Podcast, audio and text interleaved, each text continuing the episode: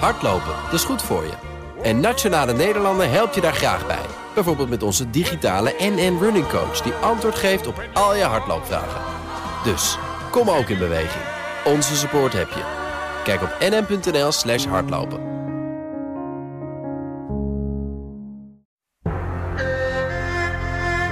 Al vier maanden blijft de Chinese reiziger weg uit Nederland. Wat is de impact op onze toerismesector? En kunnen we de spreiding van toerisme in Nederland nu extra vormgeven dankzij corona?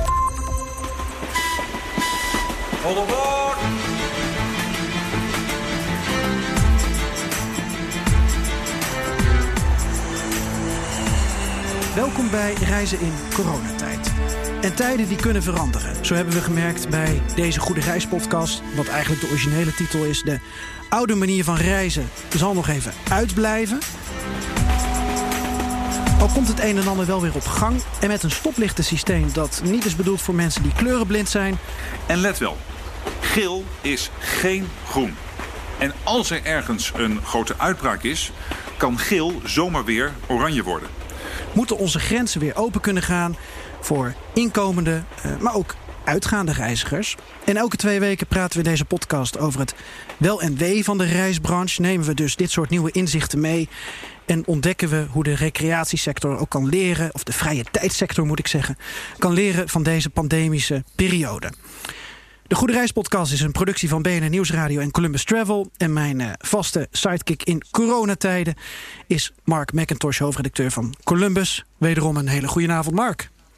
Goedenavond, Geert-Jan. Ja, wat zijn jouw, uh, jouw nieuwste inzichten wat betreft ons reisgedrag? Nou, we hebben nu net weer een persconferentie van Rutte gehad. En het is wederom een, uh, eigenlijk een combinatie van goed, slecht nieuws. Binnen Europa is reizen natuurlijk uh, vanaf 15 juli toegestaan. In ieder geval de, de Schengenzone, dat zijn zo'n 26 landen.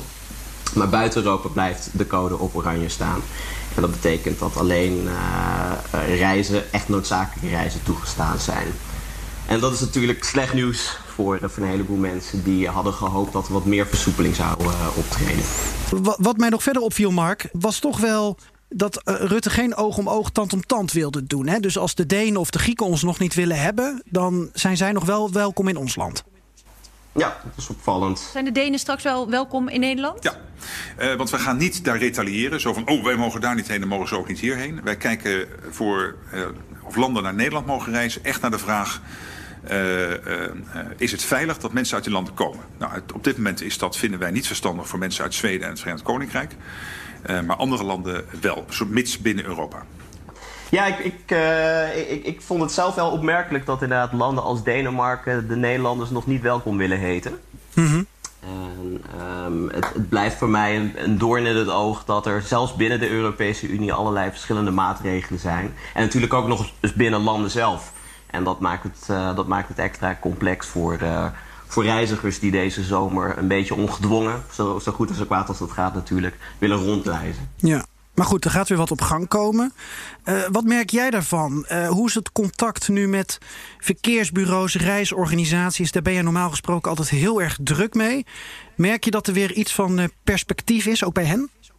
Ja, ja ik hoor dat binnen de hele reisbranche. Dus inderdaad vanuit toerismebureaus, maar ook reisorganisaties die weer boekingen ontvangen. En PR-bureaus die allerlei bestemmingen promoten. Ja? Uh, er komen weer projecten op gang, er is weer wat meer energie. Het is allemaal heel erg voorzichtig, maar uh, er is echt voor veel bedrijven weer wat uh, licht aan het eind van de tunnel. Dus er zijn landen of verkeersbureaus namens landen die tegen jou zeggen... willen jullie komen of willen jullie een samenwerking aangaan? Ja, nou, um, sowieso worden er persberichten nu de deur uit gedaan. We ontvangen er elke dag wel eentje over de laatste stand van zaken. En dat een heleboel landen inderdaad weer internationale reizigers welkom heten. Uh, en dat ook pers weer wordt uitgenodigd om die bestemmingen te promoten. Ja, ja we gaan het uh, het komende uur hebben over de Chinees-Nederlandse reisbranche. Nou, voor uh, mensen buiten de Europese Unie, Schengenzone... gaan de deuren vooralsnog niet open. Blijft het bij een, een noodzakelijk reisadvies. En we gaan het hebben over spreiding van toerisme. Actueler dan ooit eigenlijk. En we introduceren zo de gasten, zijn niet de minste om hierover door te praten. Maar Mark, om het thema in te leiden, weet je nog wat op 7 januari op jullie website Columbus Travel verscheen? Nee, maar jij wel, heb ik het idee. Ja, ik wel. Ik citeer even. Ehm, de kandidaten van Wie is de Mol reizen voor het nieuwe seizoen naar China. Ah. Wij voorspellen dat iedereen massaal naar China gaat. Welkom in China. We staan voor de Hangul-pas. De eerste poort die ooit gebouwd is in China.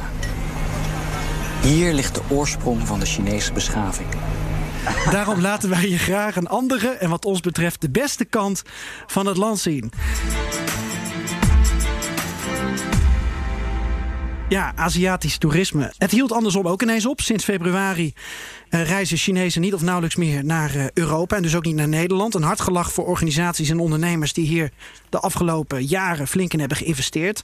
Maar wellicht biedt deze onverwachte pauze in het rijk der uh, globetrotters ook wel kansen. Kunnen we op zoek naar een betere balans misschien voor bezoekers en bewoners, voor natuur en economie. En dat komt ter sprake met de volgende drie gasten. Uh, voor een landelijk beeld en uh, perspectief, dat schetsen we met uh, Jos Franke, algemeen directeur van het MBTC. Dat ook al langer inzet op spreiding. Jos, goedenavond. Goedenavond. We spreken ook Evelien Borgstein, directeur van Marketing Oost. Dat in deze periode de provincie zo goed mogelijk natuurlijk probeert te promoten onder Nederlands en binnenkort hopelijk ook weer Duitse en Belgische toeristen. Een provincie waar ook het zeer geliefde Giethoorn onder valt. Dag Evelien. Goedenavond. En voor het hyperlokale beeld van uh, Giethoorn, maar ook voor meer inzicht in het reisgedrag van bijvoorbeeld de Chinese toerist, spreken we Gabriella Esselbrugge. Dag Gabriella. Goedenavond Geert-Jan. Nou, het ging in die persconferentie, Jos, om met jou te beginnen, een keer niet over vouchers, maar over kleurtjes. We hoorden net Marco even het een en ander vertellen. Is jou nog iets meer opgevallen?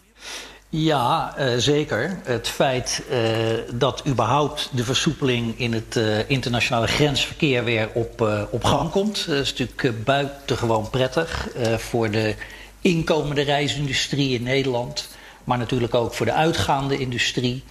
Um, wat je al eerder aangaf, het feit dat Nederland geen oog om oog, tand om tand beleid wenst te voeren, Vind ik wel mooi. Past ook wel een beetje bij het DNA van ons land, vind ik. Hè? Open, naar buiten gekeerd. Uh, en bij onze open economie. Um, dus dat zijn uh, interessante uh, delen die ik oppikte in de, in de persconferentie. Ja, op het moment dat de luisteraars deze podcast horen, hebben zij informatie ontvangen, een rapport van jullie. Het is een, een verwachting van het inkomen toerisme, zo zeg ik dat goed, geloof ik. En wat valt jullie op voor 2020? Een, een, dramatische daling van zowel het aantal buitenlandse gasten in Nederland in 2020 als ook Nederlanders uh, zelf die in eigen land op vakantie gaan. Om je uh, uh, het beeld te schetsen. uit doorrekening van scenario's.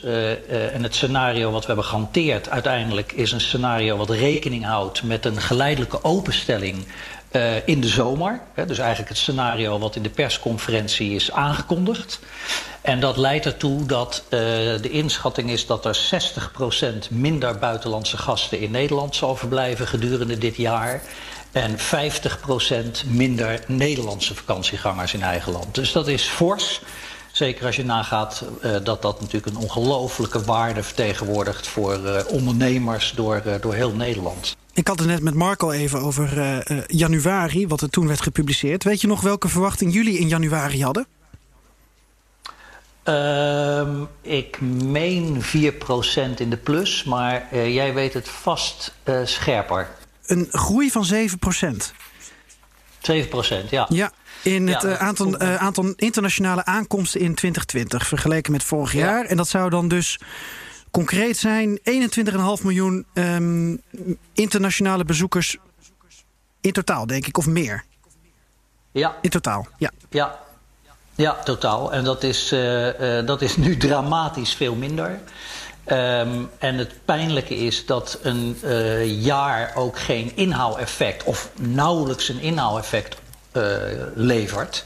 Want we zitten natuurlijk in een uh, boeiende sector waarbij je geen voorraad kunt houden. Hè. Een, een, bed niet beslapen vannacht is, is weg.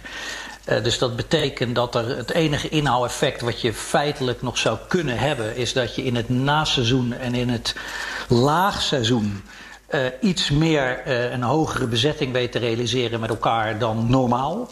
Maar dat haalt uh, het niet bij wat je eerder in dat jaar aan omzet en bezoek laat liggen als gevolg van, van de crisis en de, en de maatregelen. Evelien, als directeur van Marketing Oost denk ik dat het, het idee dat de grenzen weer opengaan voor bijvoorbeeld de Duitsers, dat jullie in Overijssel daar in ieder geval tevreden over zijn. Ja, dat zijn we zeker. Dat was ook wel mijn afdronk van uh, de persconferentie net. De duidelijke boodschap is dat bezoekers weer welkom zijn. Nou, voor ons uh, is toch de grootste doelgroep, doelgroep zijn toch de Nederlanders en de Duitse en de Vlaamse bezoeker. Dus ja, dat is goed nieuws. En wat mij ook opviel was ehm, dat Rutte goed benadrukte dat we uh, ons wel moeten houden aan de hier geldende maatregelen. Dat dat ook geldt voor, uh, voor de bezoekers. Dus nou, dat waren eigenlijk de dingen die mij uh, dan opvielen naast de al eerder genoemde dingen. Ja. Maar ja, zeker blij dat Duitsers en Vlamingen weer kunnen komen. Duitsers, Belgen, uh, en ik geloof ook dat wij weer naar Kroatië mogen. En dan hopelijk binnenkort ook weer dat we richting Frankrijk, Zwitserland en Oostenrijk kunnen. Alles is aan, aan verandering onderhevig. Alles wordt natuurlijk goed uh, gemonitord. Hoe werkt dat bij jullie bij Marketing Oost? Want um, jullie richten je natuurlijk ook op uh, Duitsers, uh, op Duitse reizigers. Dat doe je in de vorm van campagnes. Nu zie ik wel het een en ander weer op gang komen. Niet alles is geloof ik van jullie hand, maar ik zag een spotje op tv langskomen met uh, kom naar Oud-Marsum. Ik hoor dat er weer het een en ander in de kampioen gaat verschijnen. Ik zie Chris Segers door de weerribben pendelen. Dus er speelt ja. wel van alles. Ja, dat klopt. Wij zijn wel uh, heel erg aan het nadenken over hoe we uh, de gasten kunnen verleiden om uh, naar onze prachtige provincie te komen natuurlijk. Um, en nou ja, je ziet dat er inderdaad spotjes worden gemaakt. Wij zijn zelf ook wel weer voorzichtig opgestart met, met online, online campagnes. Um, omdat we zien dat voor de zomermaanden juli en augustus de boekingen het zeker heel goed doen. Uh, maar voor juni nog wel wat kan gebeuren. Dus daar zijn we nu uh, online actief mee. Maar we zijn ook aan het kijken naar het najaar. Uh, omdat we graag het seizoen wat willen verlengen. Zodat onze ondernemers um, ja, wat langer seizoen kunnen draaien. En daarmee misschien een beetje goed kunnen maken. Dus we gaan in het najaar weer onze campagne inzetten. Daar hebben we onze PR-marketingactiviteiten ook al op ingericht. En um, zo zie je ook dat in de contacten die we hebben er veel belangstelling is bij de media om Overijssel te ontdekken. Omdat Overijssel natuurlijk heel veelzijdig is en ook ongelooflijk veel ruimte heeft. En ruimte is iets wat, waar iedereen naar op zoek is, denk ik, op dit moment. Ja. ja, dus daar, daar hebben wij wel een heel mooi, mooi argument om mensen te verleiden om naar Overijssel te komen. Ik vroeg me af, Eveline, of jullie uh, binnenlandse reizigers of toeristen anders benaderen daarin dan buitenlandse. Nou, wij focussen ons uh, qua buitenlanders uh, vooral op wat we al zeiden, hè, de Belgen en de Duitsers. En daar zie je wel verschillende interesses wat ze, wat ze, waar ze graag naartoe gaan. We weten dat Duitsers erg geïnteresseerd zijn in de Hansesteden. Dus daar gaan ze ook graag naartoe. En um, vaak kunnen we ze dan ook wel weer verleiden om wat verder in het gebied rondom de Hansesteden te kijken. Dus als je in, in Zwolle of in Deventer bent, kun je ook gemakkelijk het Vechtdal in of de Twente intrekken. En dan nog weer andere aspecten ontdekken. Um, voor de mensen in Nederland proberen we. Ja, het ligt een beetje aan de doelgroep die je. Um, um, benaderd. In de zomermaanden zijn dat vaak de jonge gezinnen, gezinnen met kinderen. En daar hebben we echt fantastische parken voor. En er zijn heel, heel veel mooie activiteiten. Hè. Kanoën uh, in de, in de Werebewieden of uh, op de vecht varen. Of uh, nou, uh, wat Chris Segers aan het doen is toeren over de Sallandse Heuvelrug. Nou, noem maar op. Dus daar heb je andere aandachtspunten die je aan de mensen wil laten zien. Uh, in het najaar zullen we ons meer gaan richten op uh, de wat jongere groep, de inzichtzoeker. Uh, en die vinden het vaak ook erg interessant om naar de Hansesteden te gaan of andere steden waar prachtige musea zijn. Hoe noemde je dat nou, Evelien? De inzichtzoeker? Ja, de inzichtzoeker. Oh jee, dat, dat, ja. ben ik dat? Als, als, als midden dertiger nog niet schoolgaand kind, ben ik dan een inzichtzoeker? Nou, dat zou maar heel goed kunnen. Als jij uh, belangstelling hebt voor uh, het ontdekken van steden en, en, cultuur en ook natuur, dan, dan zou, zou je dat heel goed kunnen zijn. En dat is ook wel waar wij een focus op zetten in het najaar. Ja. wij hebben daar ook heel erg veel voor te bieden. Oké. Dus ik denk dat dat heel mooi aan kan sluiten. Ja, als er ergens een verschoon plek in de buurt is, dan, dan is dat voor mij ook een, een optie. In hoeverre zijn die doelgroepen eigenlijk veranderd door de coronacrisis? Um, ja, voor ons, uh, uh, de Nederlandse doelgroep, niet zo heel erg. Er zullen wel veel meer gezinnen zijn die nu op vakantie willen in Nederland, schat ik in. Alhoewel het natuurlijk altijd maar afwachten is, uh, naar aanleiding ook van wat er vanavond gezegd is. Of mensen toch niet denken, ik durf het wel weer aan in het buitenland. Maar wat we nu zien aan de boekingen, gaat het vooral heel erg goed in de parken. Dus daar zijn, en op de campings, dus daar zijn vooral veel gezinnen met kinderen. De wat oudere doelgroep, daarvan begrijp ik dat ze echt wel voorzichtiger zijn met reizen. Dus die gaan of niet en slaan een jaartje over, of blijven in de buurt. Dus nou ja, dat kan ook interessant zijn. Nou ja, en nu met het opengaan van de grenzen voor Duitsland en België. verandert dat voor ons niet, want die groep hadden wij al heel graag. En wij hopen dat die ook nog heel graag naar Overijssel blijven komen. Ja. Uh, ook omdat we denk ik uh, ons heel goed houden aan de, maatregelen die er verwacht worden. En daar zijn we ook heel druk mee bezig in, de voorbereidingen. En dat zie je bij de ondernemers die bij ons zijn aangesloten. Erg druk met het inrichten van de anderhalve meter economie. en dat zie je ook bij de gemeenten die dat op het gebied van de openbare ruimte doen.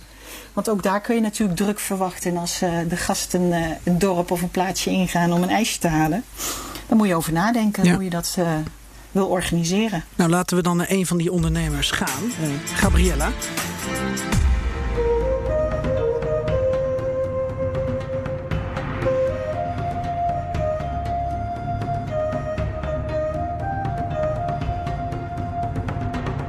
ondernemer.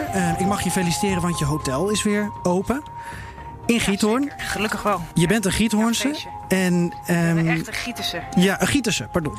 Nou, dat, dat is denk ik wel een hele interessante. Want wij richten ons niet alleen maar op de Chinese markt. Uh, wij zijn ons altijd blijven richten op allerlei verschillende markten. Maar als ik dan woorden hoor als uh, verlengen van seizoen... dan moet je uh, vooral zijn bij doelgroepen die in andere seizoenen reizen. En dus ben ik in 2005 naar China gegaan om daar te verkennen wat die reismarkt voor ons zou kunnen betekenen. En vervolgens naar uh, Zuid-Korea, uh, Arabische landen. We hebben allerlei missies gedaan om juist te kijken welke markten interessant zijn. Uh, en welke gasten geïnteresseerd zijn om juist niet in de seizoenen te reizen waarin de Nederlander, de Belg en de Duitser graag reist. In ieder geval niet naar het platteland en niet naar een bestemming als Giethoorn. Um, en ik denk dat, uh, ja, dat nu zit natuurlijk die reismarkt nog relatief op slot. Hè. Uh, vooral gelukkig mogen er weer uh, de, de Duitsers en de, en de Belgen komen. En uh, zijn er heel veel Nederlanders die nu ontdekken hoe mooi ons platteland in Nederland is.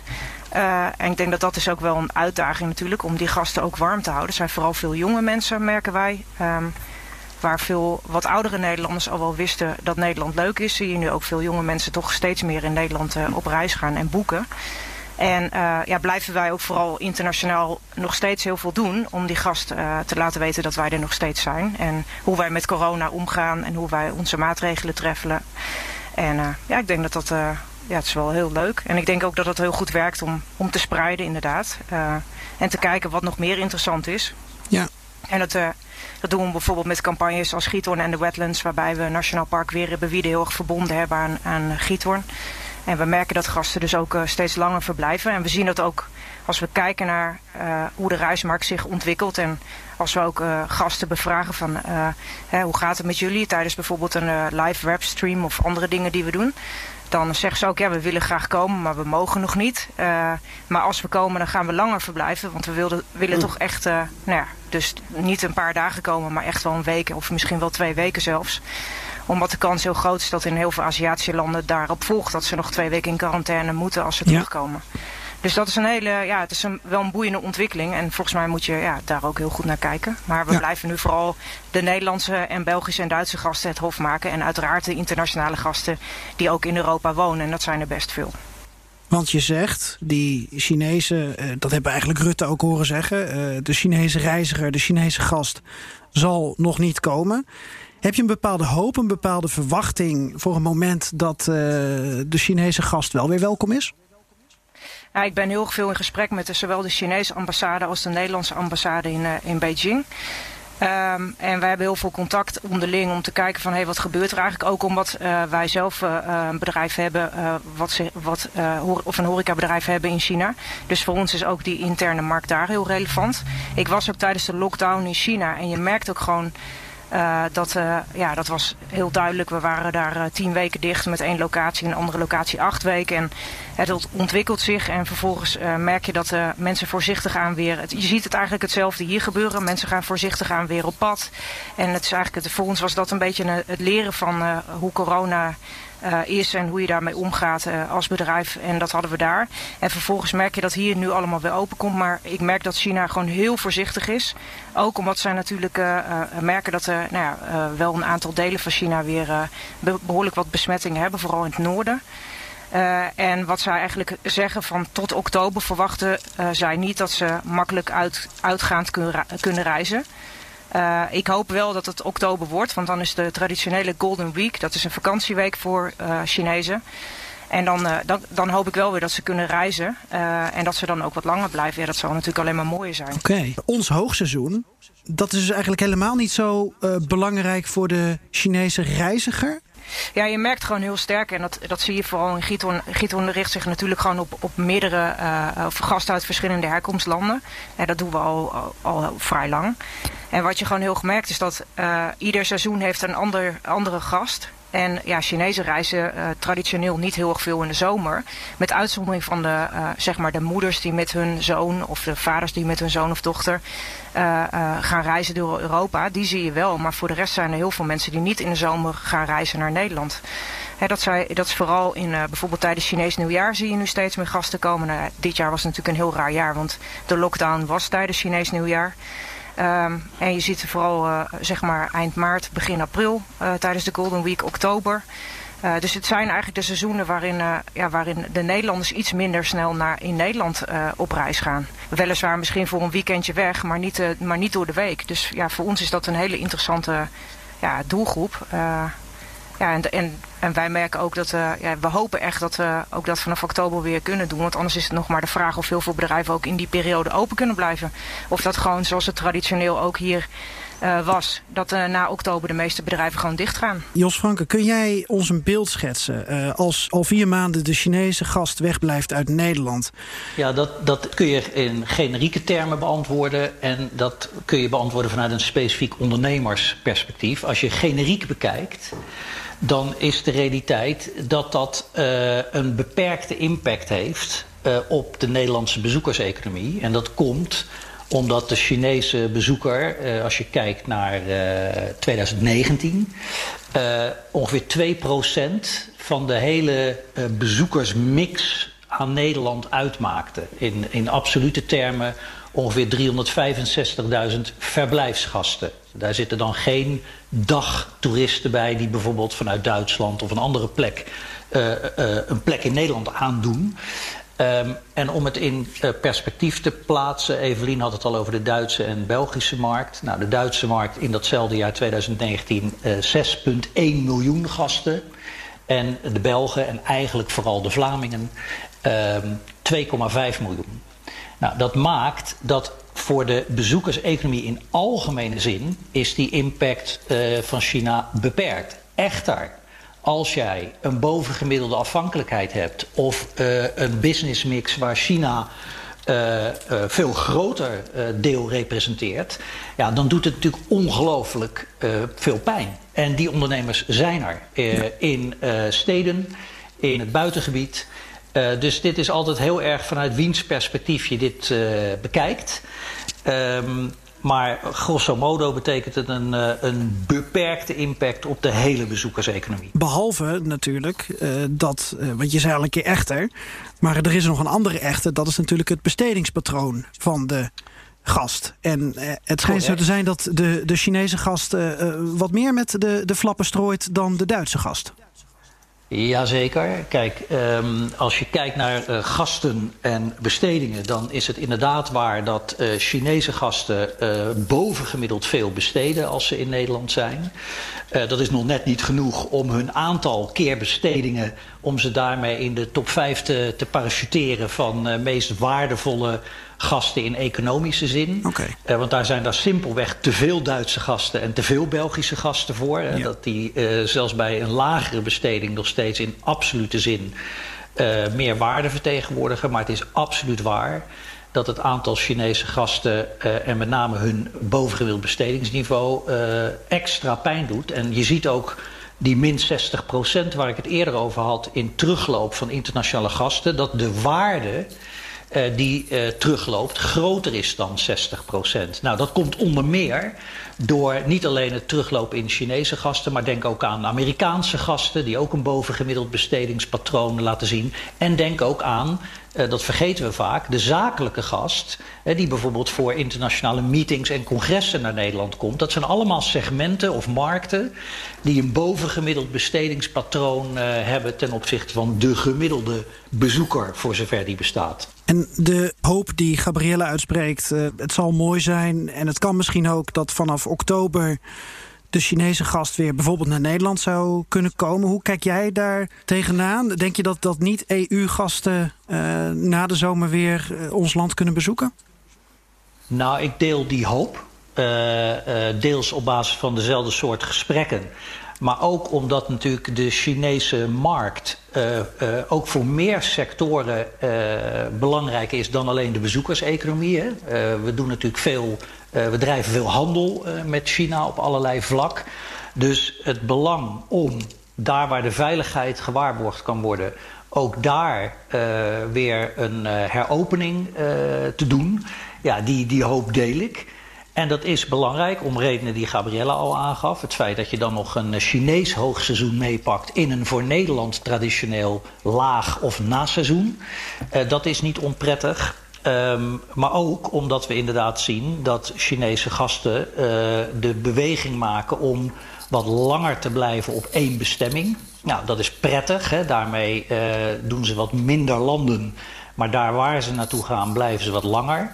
En we zien met name ook dat de nieuwe jongere generatie Chinese gasten, in tegenstelling tot uh, eerdere uh, bezoekers uit dat gebied, uh, ook de neiging hebben om zich wat meer breed op Nederland te oriënteren en ook wat makkelijker de weg vinden buiten de hotspots. Nou, dat zijn ontwikkelingen waar we natuurlijk graag in de toekomst gebruik van maken. Gabriella, merk jij dat ook? Ja, wij hebben eigenlijk, eh, zijn nu twee jaar geleden begonnen met het organiseren van ook uh, studie, study tours. Dus uh, wat meer diepgang ook op het gebied van agri, food, gastronomie met onze eigen lijn Utrecht, onze streekproducten. Uh, daarnaast uh, doen we ook heel veel op het gebied van toerisme. Hoe werkt nou die toeristische infrastructuur? Uh, daar doen we studietours voor. En we merkten vooral vorig jaar dat dat echt waanzinnig goed liep. En dat die gasten ook langer bleven. Die gaan meer de diepte in. Daar hebben we ook heel veel follow-ups in China zelf. Om daar op het platteland te kijken hoe kunnen we dat verder ontwikkelen. Je ziet nu ook, omdat veel Chinezen in China blijven... Uh, dat ook uh, de vraag is van hey, kunnen we naast het feit dat de grote steden het heel goed doen, dat platteland verder ontwikkelen en vooral de gastvrijheid of de hospitality naar een hoger niveau tillen. Uh, en daar liggen gigantische kansen voor, met name bedrijven uit Nederland ook, die daar al actief zijn op het gebied van toerisme, hospitality om bedrijven te coachen of ja, voor in de vorm van consultancy. Om te helpen om dat op een bepaald niveau te brengen. Of je het nou hebt over zeg maar uh, hygiënecodes of, of over hoe ga je met internationale gasten om. Uh, ja, mensen die veel reizen zijn, een ander niveau van reizen gewend. Heel veel wat oudere mensen wonen nog op het platteland, maar de mensen die in de stad zitten, die hebben, zijn toch andere dingen gewend, andere hotels gewend. Dus ja, die bedrijven moeten zich heel snel ontwikkelen. Mm -hmm. uh, en daar, ja, daar liggen heel veel kansen ook voor Nederlandse bedrijven, denk ik. Ja. En op dit moment is er een grote summit gaande in China. En een van de onderdelen is, het gaat, uh, het meest belangrijk is, hè, hoe, hoe, hoe zijn we met corona omgegaan als China en hoe, gaat, uh, uh, hè, hoe, gaan we, hoe gaan we daar verder mee om, global. Maar daarnaast gaat het ook over de One Civil Code. Dat is een, hè, de, de, de nieuwe, nieuwe wetten die ze allemaal in... Voorheen hadden ze negen wetten. Dus eigenlijk die summit is één keer in de vijf jaar. En één van de onderdelen is Rethink Tourism. En ze gaan echt kijken naar hoe kunnen we ervoor zorgen dat wij het serviceniveau in China... Uh, omhoog krikken. Uh, en hoe kunnen we ook toch internationaal meer gaan doen. Dus dat geeft mij ook grote hoop dat die reismarkt zich weer opent. En op het moment dat de mensen weer welkom zijn, uh, dan gaat dat andersom ook gebeuren, denk ik. Oké, okay. dat is wel een heel ander beeld dan ik uh, had. Kom ik weer bij het stereotype beeld uit. Want ik dacht, Giethoorn verwelkomt altijd busladingen aan fotograferende Chinezen die voortuintjes platlopen. Maar daar richt jij je ook helemaal niet op, hè? Nou ja, ik, ik, denk dat dat ook wel een beetje een beeld is wat is ontstaan omdat wij ons sinds 2005 actief zijn op die markt. En dat is best lang. En dat waren de mensen die voor het eerst gingen reizen. En die gingen, die gingen inderdaad in bussen op reis met een gids met een vlaggetje ervoor. Uh, maar die reismarkt ontwikkelt zich waanzinnig snel. En wij richten zich, uh, ons juist op, uh, de, op de jonge Chinese gast tussen de 25 en de 45 jaar. Vaak hoger opgeleid, spreekt vaak hartstikke goed Engels. En die zoeken juist wat meer ja, een unieke beleving. En die zoeken ook ja, wat rustigere plekjes op. En daar liggen natuurlijk in onze regio waanzinnig veel kansen. Ja. Uh, dus, ja, dus wij merken ook dat het, uh, dat het zich op die manier ontwikkelt. En ja, onze infrastructuur is ook niet zo heel geschikt voor die, juist die hele grote groepen. En nu met corona kan je dat überhaupt vergeten natuurlijk. Maar ik denk dat dat is iets wat we al ja, twee jaar geleden hebben ingezet. En ik denk ook dat dat gewoon steeds beter werkt. En dat je ook merkt dat die doelgroepen ja, verandert. En je ziet ook binnen, binnen de andere doelgroepen echt verjonging. En vroeger ging iedereen op schoolreisje naar Giethoorn. En kenden heel veel mensen dat. En hè, kregen ze verkering. Dan gingen ze nog een keertje met een vriendje of vriendinnetje punteren of een bootje huren hier. uh, en, uh, ja, en dat ontwikkelde zich, zeg maar. En nu zie je dat jonge mensen tegenwoordig op schoolreisje gaan heel ver. Ja, uh, naar China. Nederland bijvoorbeeld, ja. En ja, en je ziet nu dat mensen zijn die komen hier nu. Die zeggen, ja, we zijn hier eigenlijk nog nooit geweest. Maar wat is het geweldig in jullie regio. Wat geweldig het Nationaal Park weer hebben weer. Wat mooi dat Giethoorn. We hebben er veel over gelezen en gehoord. Maar we zijn er nog nooit geweest. En ja, dat is natuurlijk wel heel leuk. En je hoopt natuurlijk dat je die gasten echt het hof kunt maken. En dat ze ook uh, ja, uiteindelijk terug gaan komen. Ik ga zo naar Mark. Die is, uh, denk ik, uh, die hangt aan onze lippen waarschijnlijk. Zeker. Ja. Ik vraag me af, Gabrielle, wat, wat voor beeld de Chinezen van Nederland hebben als vakantiebestemming. Wat, zijn, wat is voor hun de motivering uh, om naar Nederland te gaan? Chinezen kijken wel altijd uh, met een heel... Uh, hele wijde blik naar wat wij in Nederland hebben. Wij, wij doen het heel goed natuurlijk in onze landbouw-export, maar ook in onze landbouwkennis. Dus er zijn, als je bijvoorbeeld ouders met kinderen ziet, of je ziet reizen met kinderen, dan zie je bijvoorbeeld heel vaak de, uh, dat ze gaan naar uh, bedrijven, uh, agrobedrijven, waarbij ze vooral naar de techniek kijken. Die, ze zijn eigenlijk heel erg geïnteresseerd in heel andere dingen dan wij bijvoorbeeld.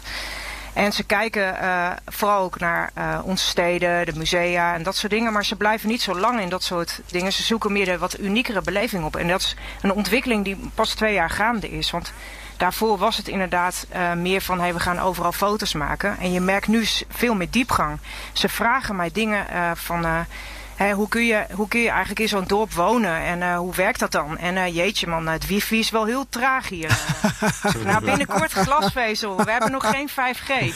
Ja, weet je, dus je hebt... Ja. En ik weet best wel redelijk wat van de Chinese cultuur. Dus ik kan ook wel nou ja, veel grapjes maken over hè, de cultuur hier en waar we vandaan komen. En het feit dat ik in dit mooie dorp uh, woon. En dat ik kan vertellen, hier zijn mijn opa en oma uh, uh, opgegroeid. Hier is mijn moeder opgegroeid. Hier ben ik opgegroeid. En er is niks veranderd. Het is, het is nog zo authentiek als het was.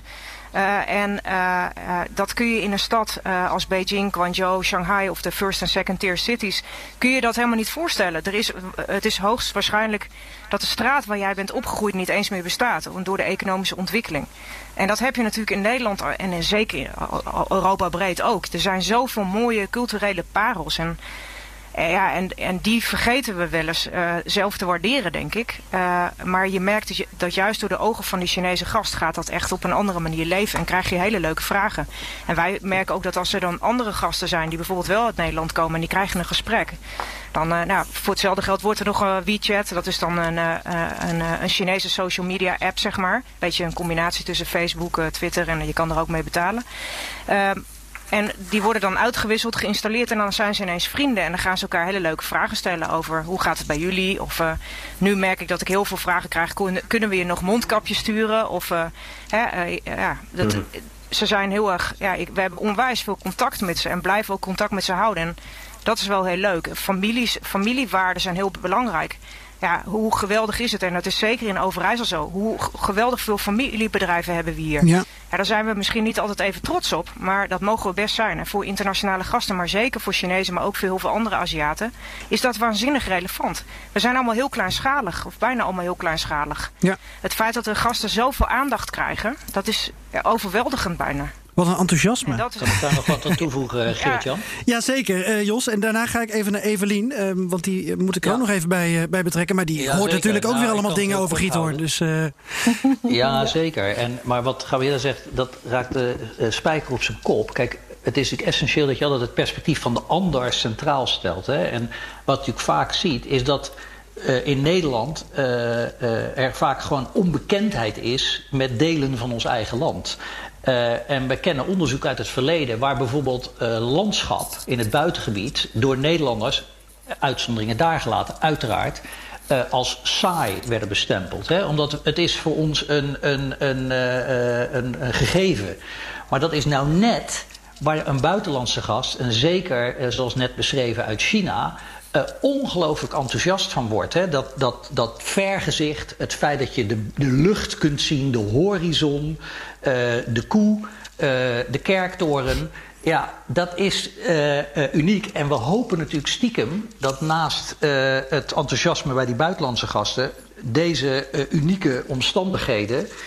dat veel Nederlanders die Nederland al ontdekt hebben, dat blijven doen. Maar juist zij die misschien wat minder bekend zijn met, uh, met dat eigen land, dat die ook eens met die bril uh, naar hun omgeving gaan kijken en zich eigenlijk openstellen en laten verrassen door bijvoorbeeld die kleinschaligheid, dat ambacht, die familiebedrijven, die prachtige omgevingen die, uh, die Gabriella net beschreef. dat zou natuurlijk, laten we het zo zeggen, dan, dan maken we van de nood een deugd. Uh, en dat zou helemaal mooi zijn als dat op termijn leidt dat een groter stukje van de Nederlandse vakantiemarkt uiteindelijk zijn weg in eigen land gaat vinden. Uh, wat nog een stukje duurzamer uh, uiteindelijk is ook. Ja, vind ik ook een goed pleidooi. Ik ben het zelf aan het ervaren. in Kampen geweest.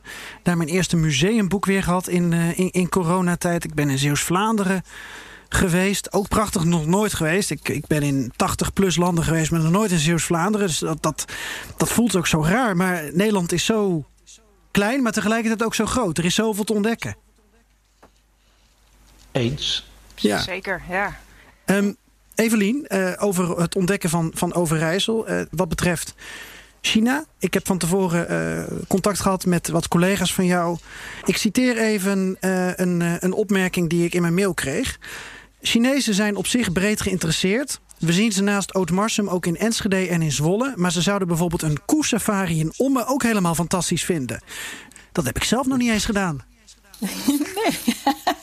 ik moet eerlijk bekennen dat ik dat ook nog niet eens heb gedaan. En ik woon vlakbij Ommen. dus, uh, nee, maar dat, dat geeft maar weer eens te meer aan... dat je dus dichtbij nog allerlei prachtige dingen kan ontdekken... Uh, en ik heb wel uh, begrepen dat de koersafari een groot succes is. Ik heb het zelf uh, ook nog niet gedaan. maar het is natuurlijk wel bijzonder geestig om dat eens te doen. Met, je kinderen of met vrienden. En nou ja, wat je net zegt, zelf ook al zegt. Ook Marsum, Enschede, Zwolle. Maar ook Hardenberg. nou ja, Giethoorn is heel bekend. De Hansensteden, je hebt er vandaag ook een bezocht. Kampen. Ja. Uh, ja, er is zo ontzettend veel te ontdekken dichtbij. Uh, en dat zijn wel wat we de verborgen parels noemen. En uh, soms uh, zetten we die heel erg in de etalage voor buitenlandse toeristen, zoals Duitsers en, en Belgen.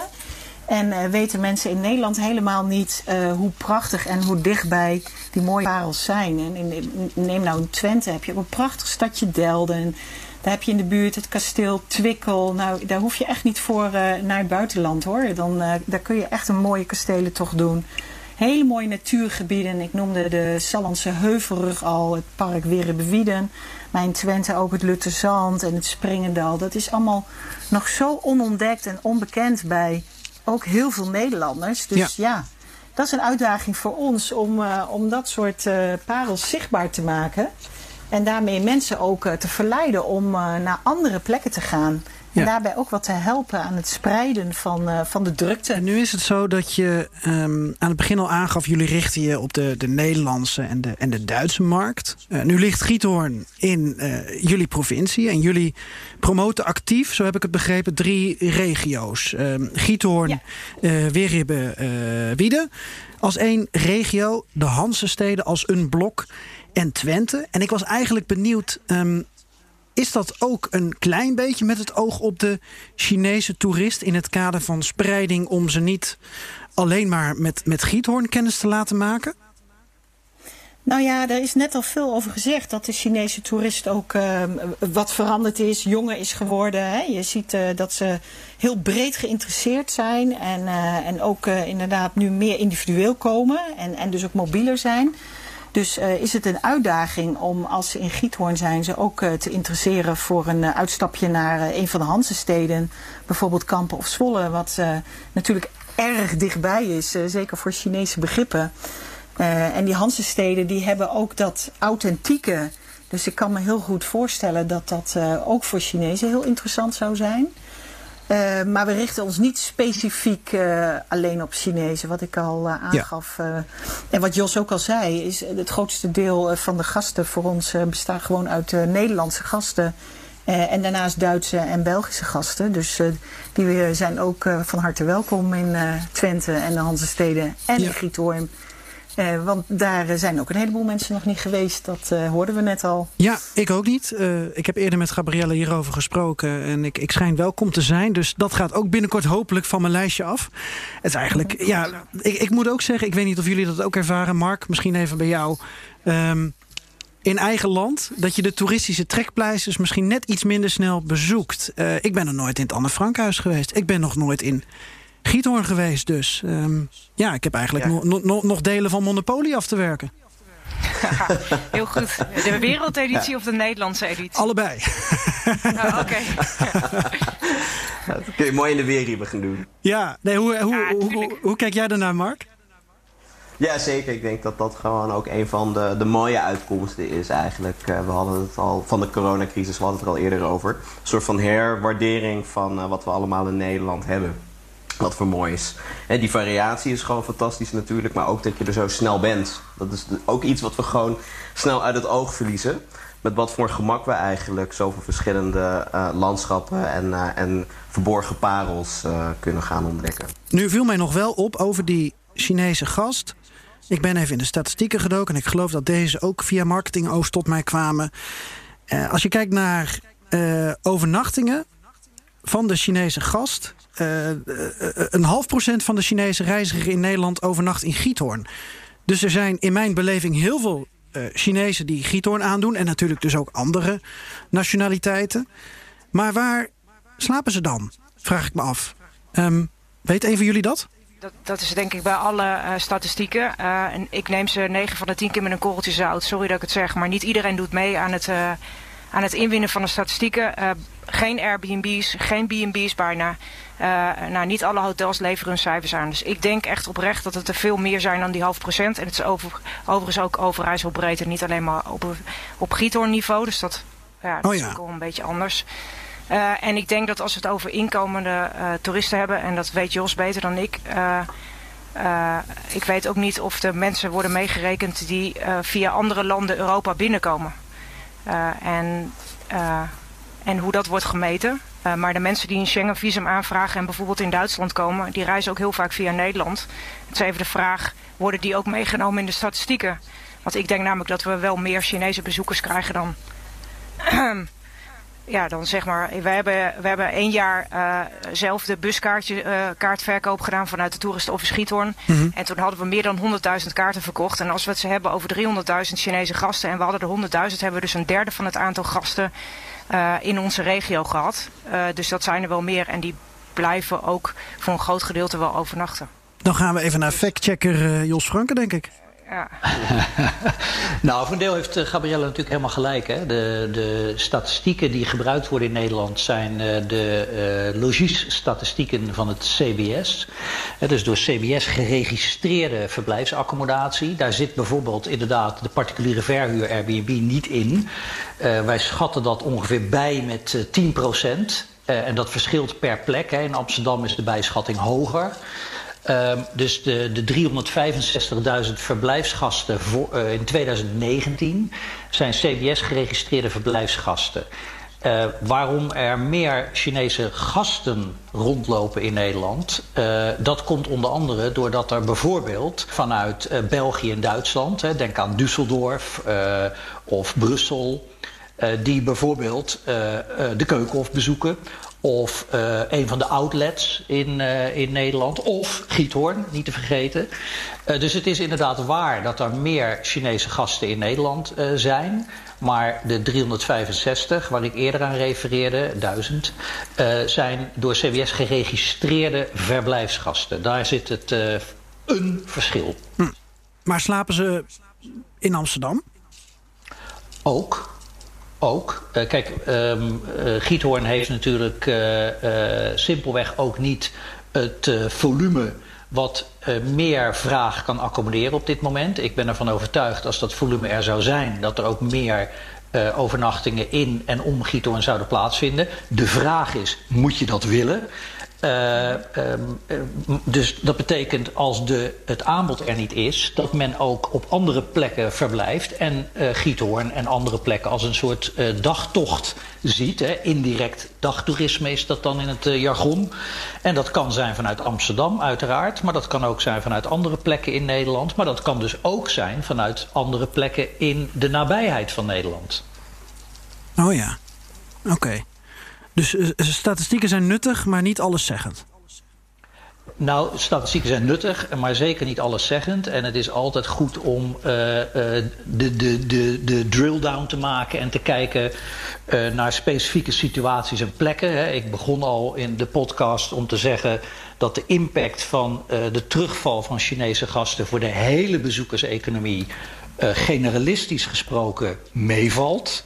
Maar nogmaals, als je dan even de induikt en je kijkt naar specifieke plekken of specifieke ondernemers, uh, dan kan de pijn ongelooflijk groot zijn. Dus het gevaar is als je blijft hangen in generalistische conclusies, dat je de plank volledig mislaat. Ja. Dan zijn er gelukkig wel mensen die creatief zijn. Ook in deze tijd. Uh, misschien extra in deze tijd. En Gabriella is er daar volgens mij wel één van. Uh, want Gabriella, je hebt me eerder verteld dat je uh, toch wel van de nood... waar Jos ook al aan refereerde aan dat bekende gezegde... van de nood een deugd, hebt gemaakt met online trainingen... Met, met, nadenken over hoe je je business misschien net iets anders zou kunnen, zou kunnen inrichten. En wat ik nog wel leuk vind, is dat jij dus... binnenkort um, Chinese gasten virtueel meeneemt.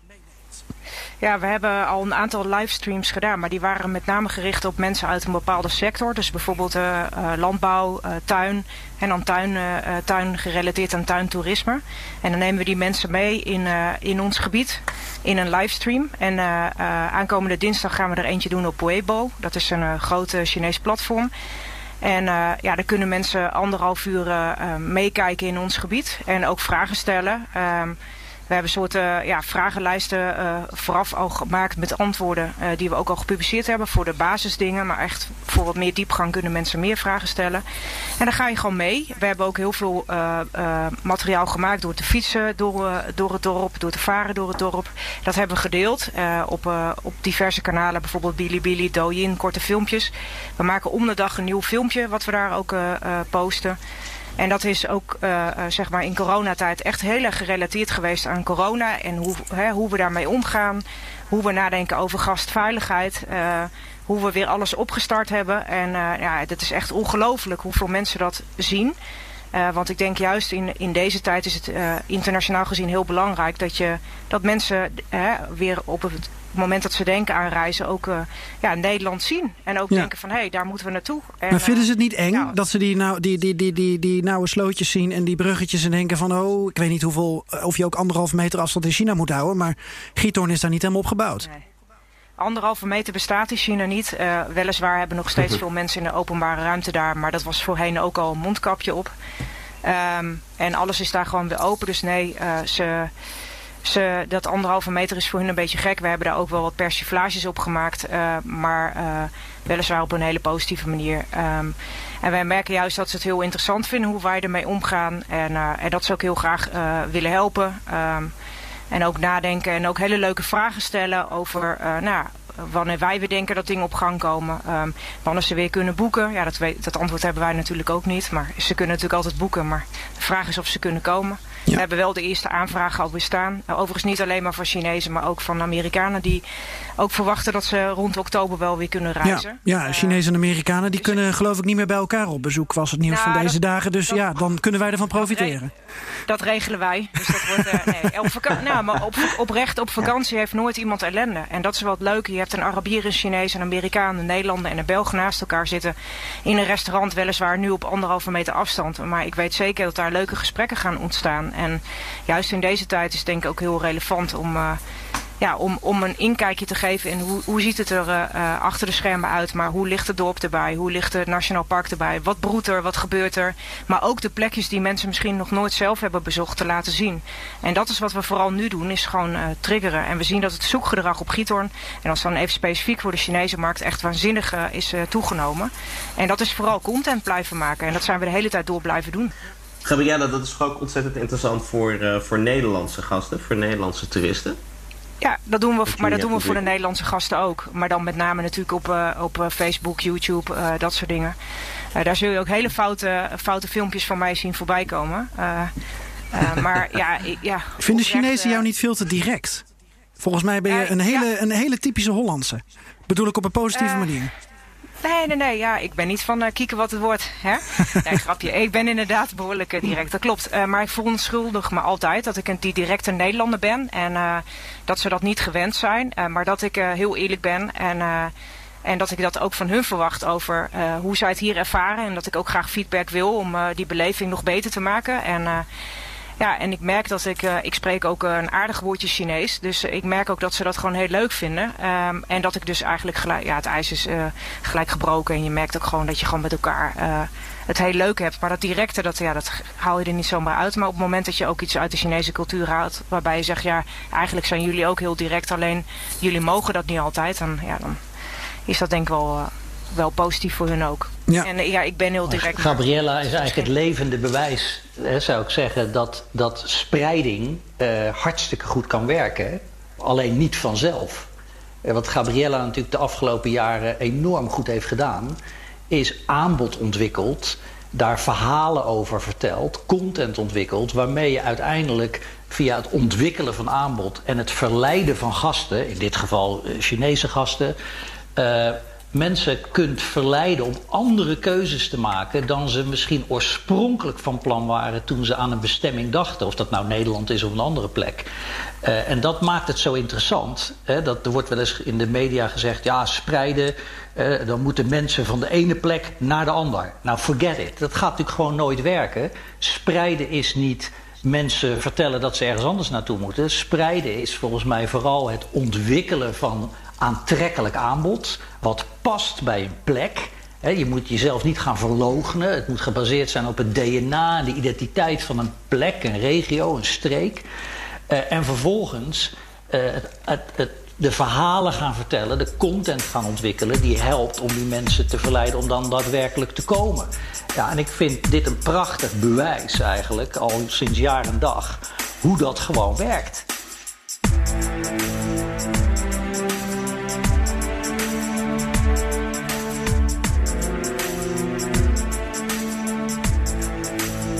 Je hoort de eindtune. Dit is deel 1 van een tweeluik met deze gasten.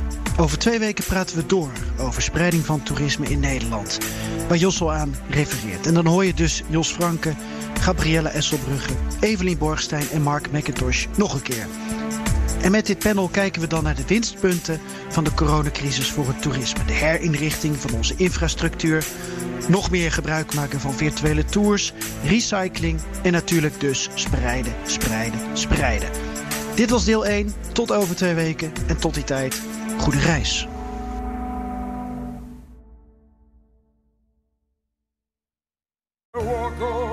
Hardlopen, dat is goed voor je. En Nationale Nederlanden helpt je daar graag bij. Bijvoorbeeld met onze digitale NN Running Coach... die antwoord geeft op al je hardloopvragen. Dus, kom ook in beweging. Onze support heb je. Kijk op nn.nl slash hardlopen.